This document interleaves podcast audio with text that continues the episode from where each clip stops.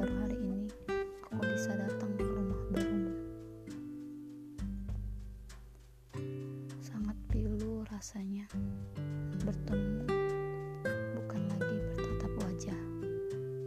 Bahkan berbagi cerita, suka dan duka. Berat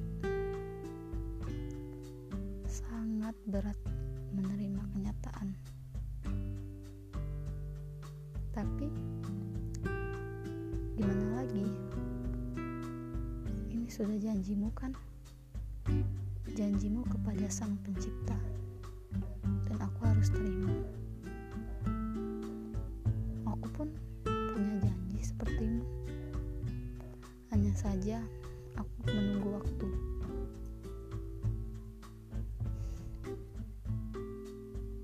rindu bersamamu.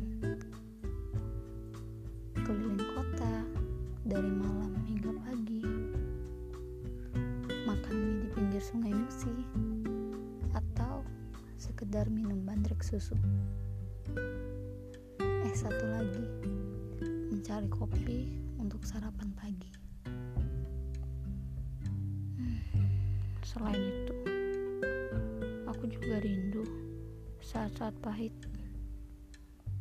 Ya, saat-saat kita meributkan hal-hal sepele. Seperti ribut hanya post karena postingan sosial media atau kita yang saling cemburu dan masih banyak lagi. Aku ingat kamu pernah bilang ada manusia yang memang diciptakan untuk membenci dan mencaci yang kita jalani.